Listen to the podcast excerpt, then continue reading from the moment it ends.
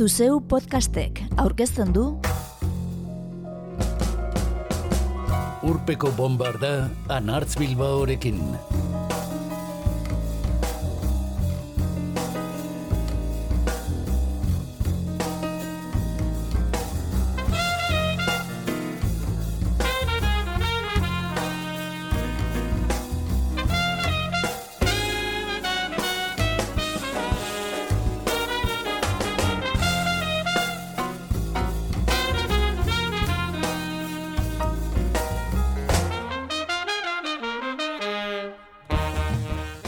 Aurten mende erdi beteko dute mila bederatzireun deirurogeita mabian plazaratutako diskoek. Eta jakina denez, irurogeita marreko amarkada hasiera artistikoki oso indartzua izan genuen. Rock musik anglosaxoiari dagokionean batez ere. Mila bederatzireun deirurogeita amabian argitaratu ziren Neil Young Zaharraren Harvest, eta David Bowie gogoratuaren The Rise and Fall of Ziggy Stardust and the Spiders from Mars. Bi arribitxi aipatzearen. Baita gaur entzungai izango ditugun beste guzti hauen lan gogoan garriak ere. Black Sabbathen Volumen 4, Allman Brothersen It a Pitch, Bill Withersen Still Bill, Elton Johnen Honky Chateau, Paul Simonen lan homonimoa, Caetano Belosoren transa, Ceciliaren lan homonimoa, Nick Drakeen Pink Moon eta William S. Fisheren akelarre sorta bat.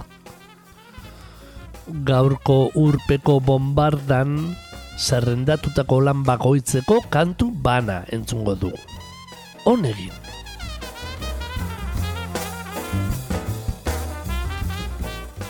Aurten berrogeita marrurte beteko dituzten soinuak berreskuratuko ditugulea esan dugu. Eta mila bederatzen da irurogeita mabia, hain izan zen urte oparoa musika gintzan, aurrerago izango dugula bigarren saio bat gaiberarekin.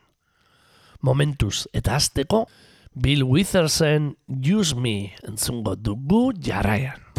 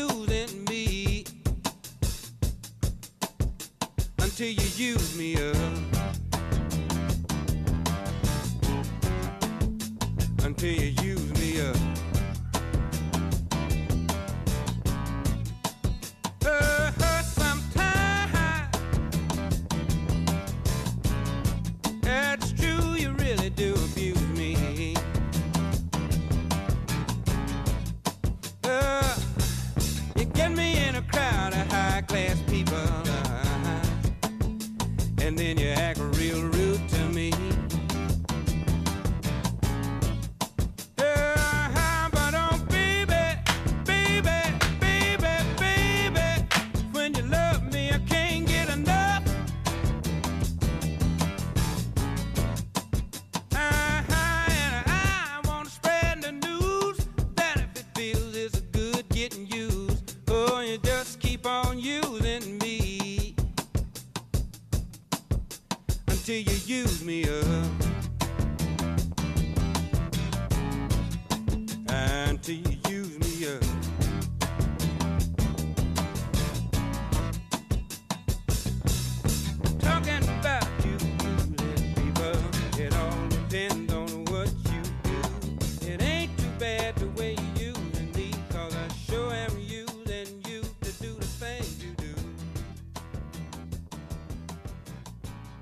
Duela bi urte zendu zen Bill Withers kantari estatu batu harra. Laro bat urte zituela. Baina zenatik kanpo zen mila bederatzen da laro geita bosta gerostik. Guztira estudioko sortzi lan luze plazaratu zituen. Eta zuzeneko goraipatu bat. Mila bederatzen da irurogeita maikan Just As I Am debut lana plazaratu zuen. Eta bigarrena zuen Still Bill bikaina gizonak ahots propioa agertu zuen irurogeita marreko soul eszenan. Stevie Wonder, Bobby Womack edo Curtis Mayfieldekin batera. Bill Withers gizon apala, bakartia eta ieskorra eizen. Un disko aldia blogeko Fernando Neirak dioenez, ezerezitik sortu zen, eta lehen momentutik guztia zuen. Steel Bill plazaratu zen urte berean, antzeko soinuak jorratzen zituen William S. Fisherrek ezoiko mandatua jaso zuen. Mississippiko deltan jaiotako teklatu jolea, Harvey Mann eta Wilson Piquetekin lan egindakoa zen. Eta egun oso estimatua den Circles plazaratu zuen mila bederatzen irurogeita marrean. Bi urte geroago eta herri gogoa etxeak horrela eskatuta, Euskal Doinu tradizional batzuk moldatu zituen. Eta funk psikodelikoan eman. Akelarre sorta izeneko lanura bildu mazalen altxor da egun. Eundaka euro balio dute biniloek. Bat, biru, lau, entzongo dugu bertatik. Adi egon, ea zer iruditzen.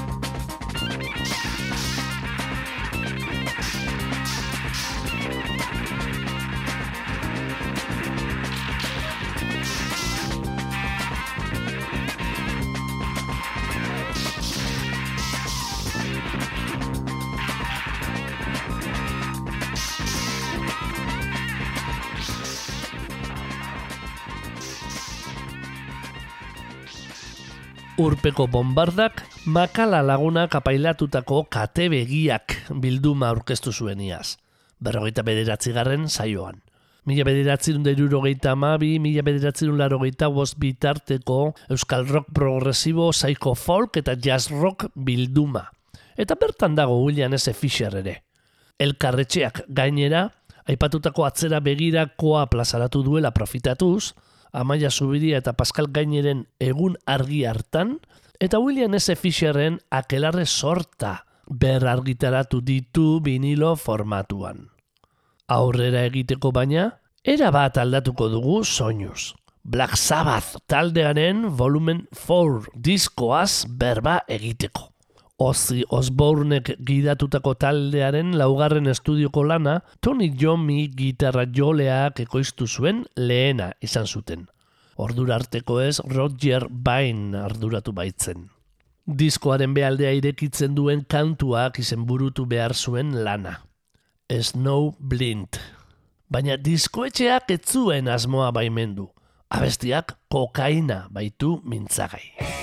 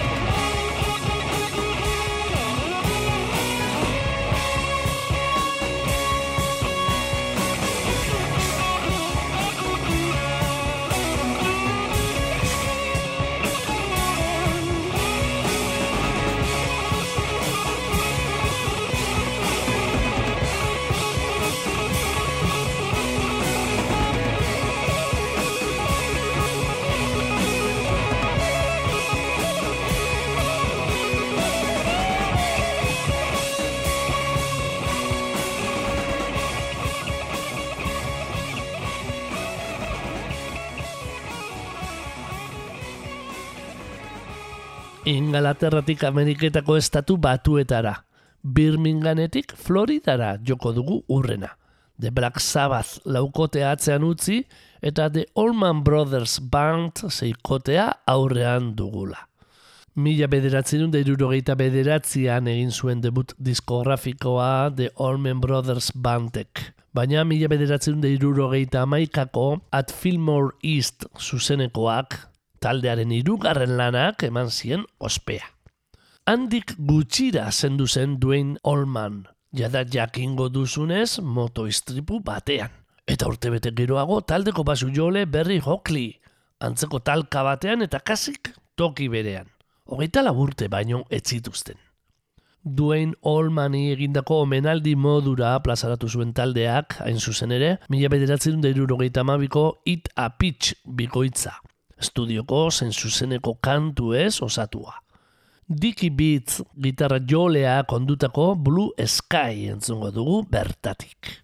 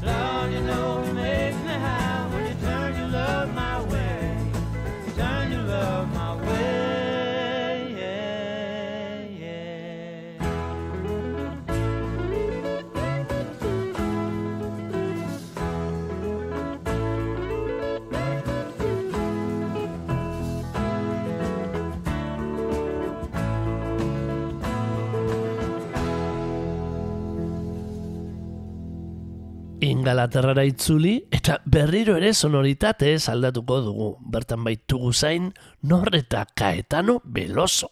Brasilgo diktadura militarretik iesi, musikari ospetsuak Londonera jo zuen, mila bederatzerun, deirurogeita bederatzean eta bertan eman zituen urte gutxi batzuk.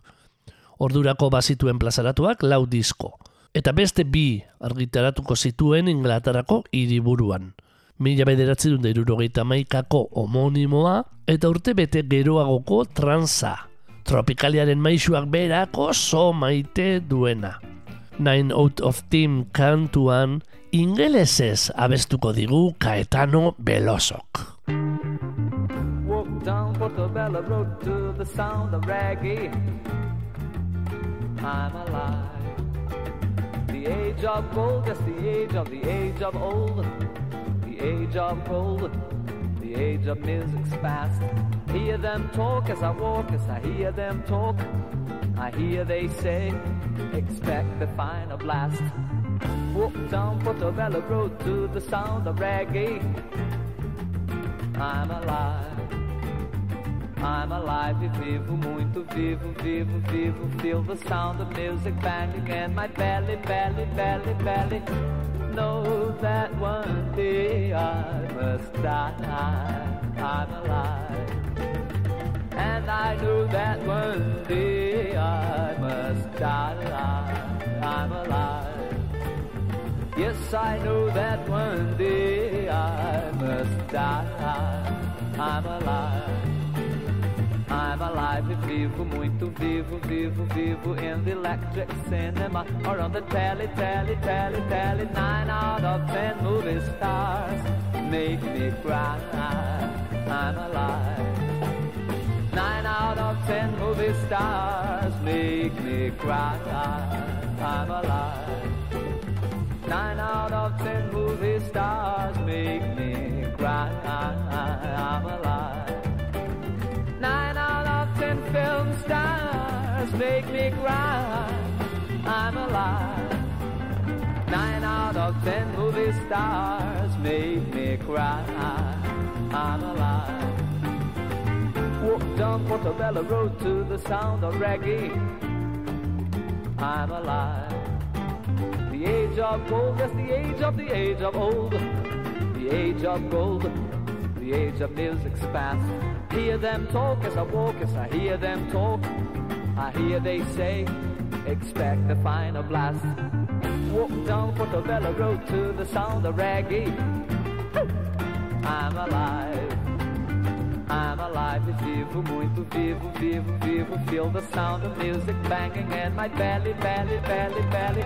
Know that one day I must die. I'm alive.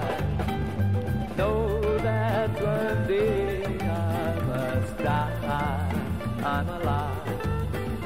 Yes, I know that one day I must die. I'm alive.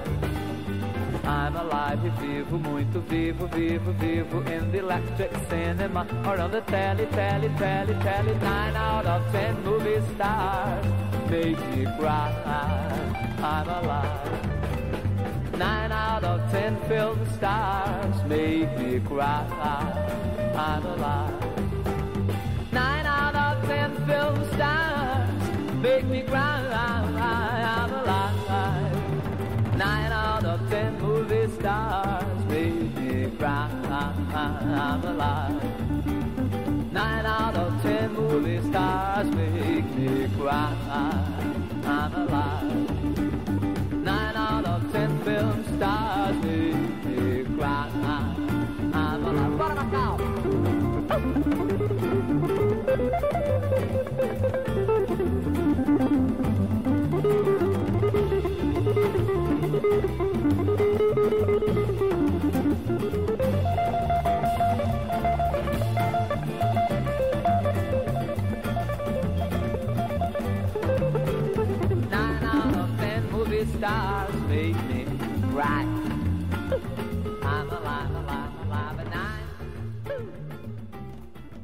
Mila bederatzerun derurogeita mabian plazaratutako lan bikainenen artean, David Bowieren Ziggy Stardust gailentzen da, seguruenera. Neil Youngen Harvestekin batera. Borobil, borobilak, biak alabiak. Glam rockaren ikur, inoizko diskonenen zerrenda guztietan ageri da David Bowieren lan kontzeptuala. Estudioko bosgarrena. Kapsula, Euskal Argentinar irukoteak, Bowienen lana goitik behera berrirakurri zuen gaztelupeko tzaketxeak plazaratu zuen disko batean. 2000 eta amabian. Eta laster goltzetara itzuliko den taurez zurdoz naparrek ere, mila bederatzen da laro marreko tauria lanean gaztelera eman zuten Ziggy Stardust irekitzen duen kantua. Five Years. Guk bigarrena entzungo dugu. Soul Love. Bowie bera saxofoian dela. Horixe baitzuen jotzen zuen musika tresna. Saxoa.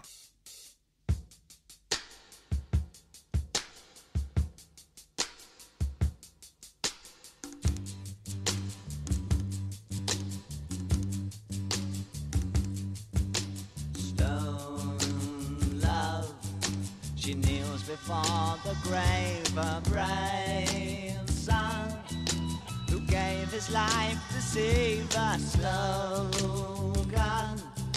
that hovers between the headstone and her eyes, for they penetrate her grieving. You love a boy and girl that talking new words that only they can share in you so strong it tears their hearts to sleep through the fleeting hours of morning. Love is careless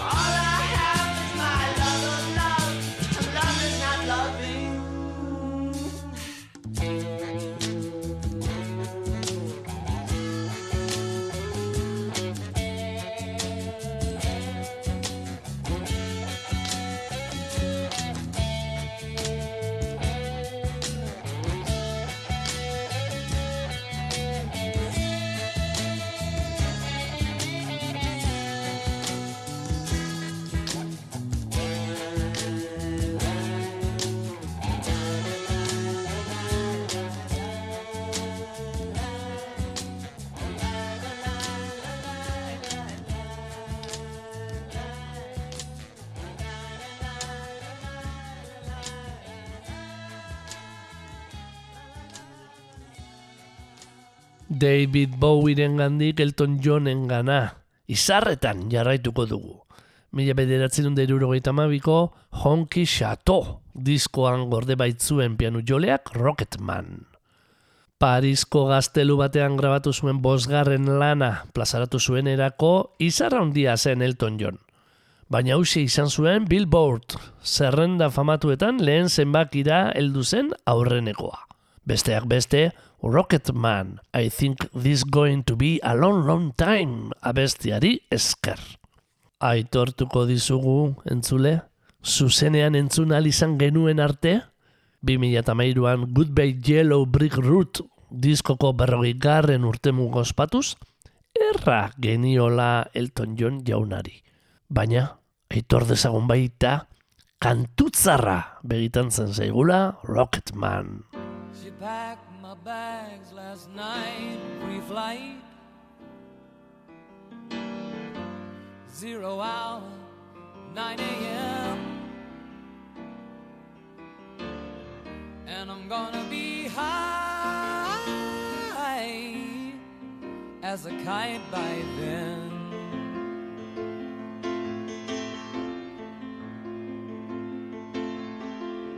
I miss the earth so much. I miss my wife.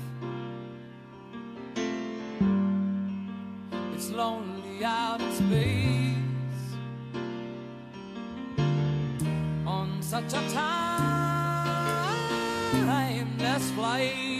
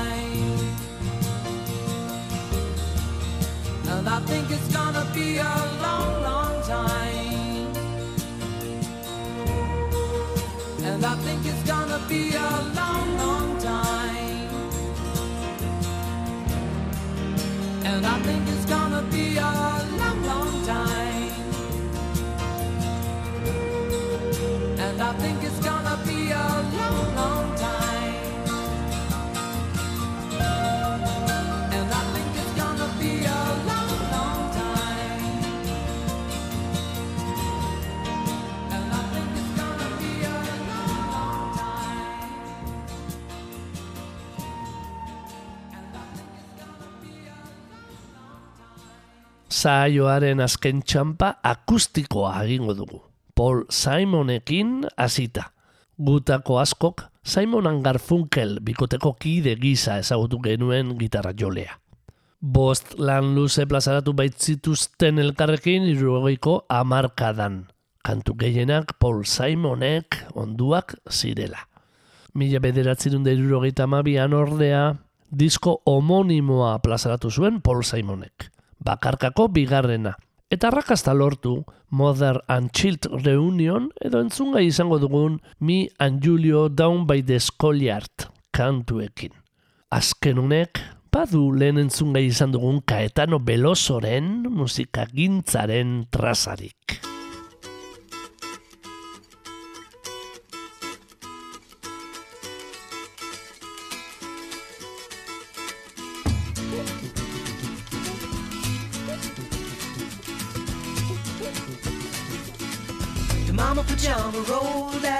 She ran to the police station. When the papa found out, he began to shout and he started the investigation. It's against the law. It was against the law. Or what the mama saw. It was against the law. The mama looked down and spit on the ground every time my name gets mentioned. The papa said, oh, if I get that boy, I'm gonna stick him in the house of detention. Well, I'm on my way. I don't know where I'm going. I'm on my way. I'm taking my time, but I don't know where. Goodbye to Rosie, the queen of Corona. See me and Julio down by the schoolyard. See me and Julio down by the schoolyard.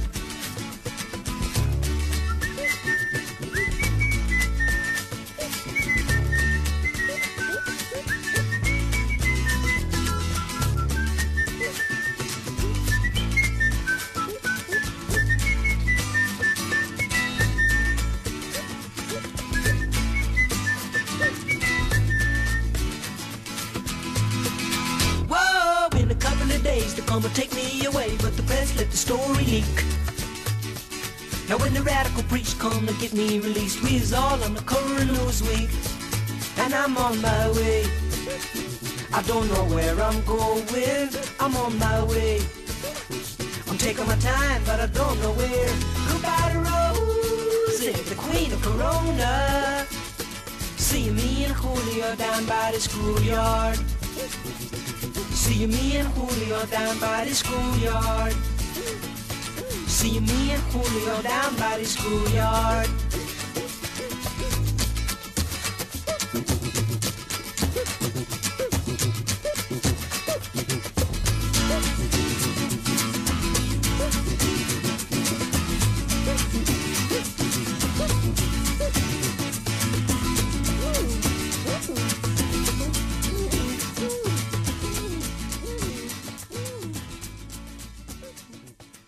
Urrengo kantua gazteleraz emango digu Evangelina Sobredo Galanesek. Cecilia goitizenaz ezaguna. The Allman Brothers Band taldeko duin eta berri bezala, trafiko istripu batean zandu zen kantautorea. Hogeita zazpi urte zituela eta arrakasta betean zela. Mila bederatzerun irurogeita amabian egin zuen debuta Ceciliak, disko homonimoarekin azalean boxeoko eskularba jantzita ageri zaiguna. Eta beste bi baino ez zituen plazaratuko.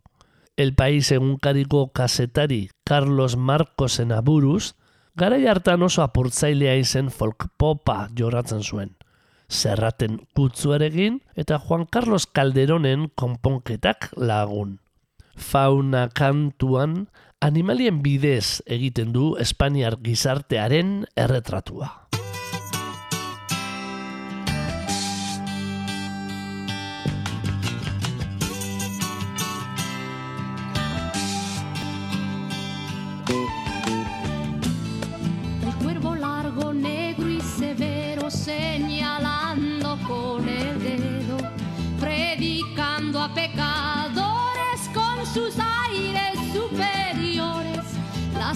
gorras perfumadas, astracanadas.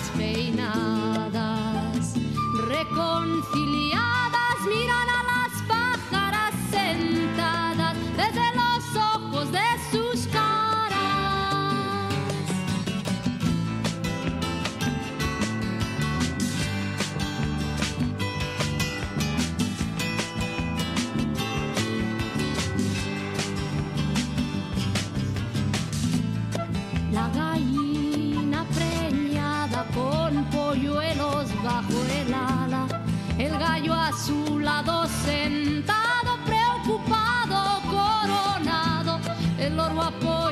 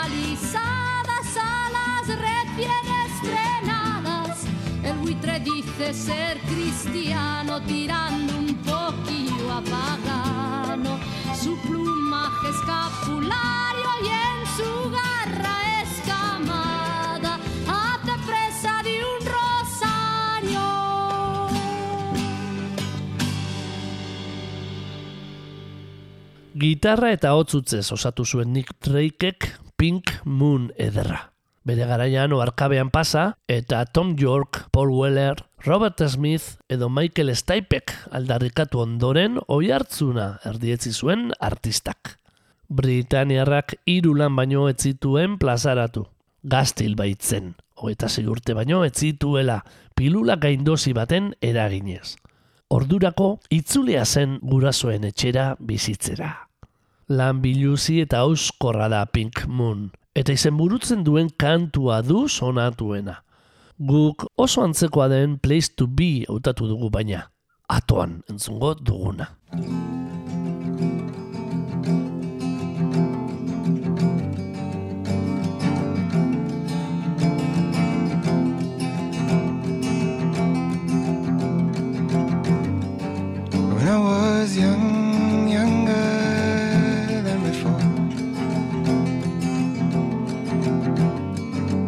Never saw the truth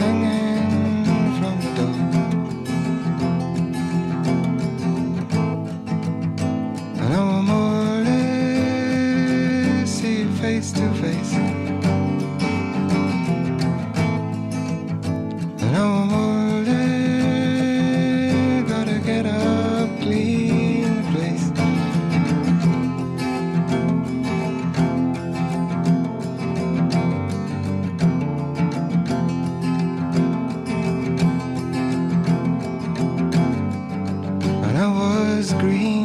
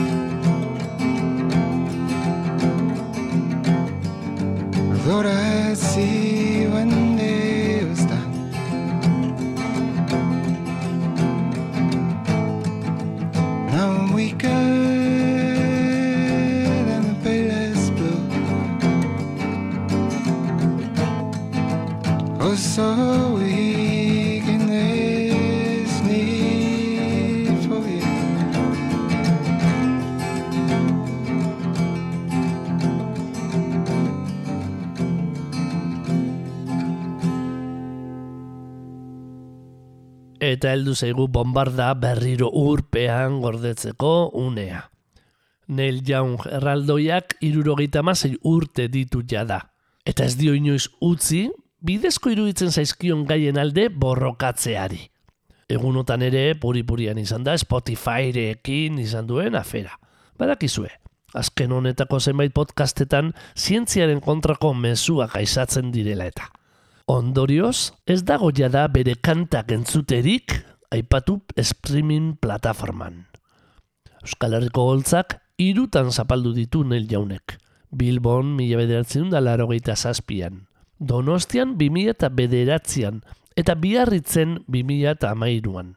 Big jaialdian. Guk 2000 eta bederatzeko biran baino ez genuen zuzenean entzun. Bartzelonan baina, ez donostian. Kanadarrak laugarren bakarkako lana du mila bederatzen da irurogeita amabiko otzailaren batean, Reprise etxean argitaratu zen Harvest. Ordurako izarra handia genuen gizona. Baina hausi izan zuen inoizko lanik arrakastatzuena. Besteak beste, Heart of Gold kantuari esker. Gure petxik grabatu ez, baina zuzenean jo izan duena. Urrezko bihotz. Ez dau baina entzungo dugun hita. P aldea irekitzen duen Old Man baino. Antza, lehen irulanekin irabazitako sosekin, Kaliforniako etxalde bat erosi zuen Jongek milioi erdi dolar ordainduta. Hogeita urteko hipia baino etzela. Jabetza berriko zaindariak, hain gaztea izan da nolatan duzu horren beste diru, itaundu izion. Eta Neil Jongek Old Man ondu zuen, erantzun gizara.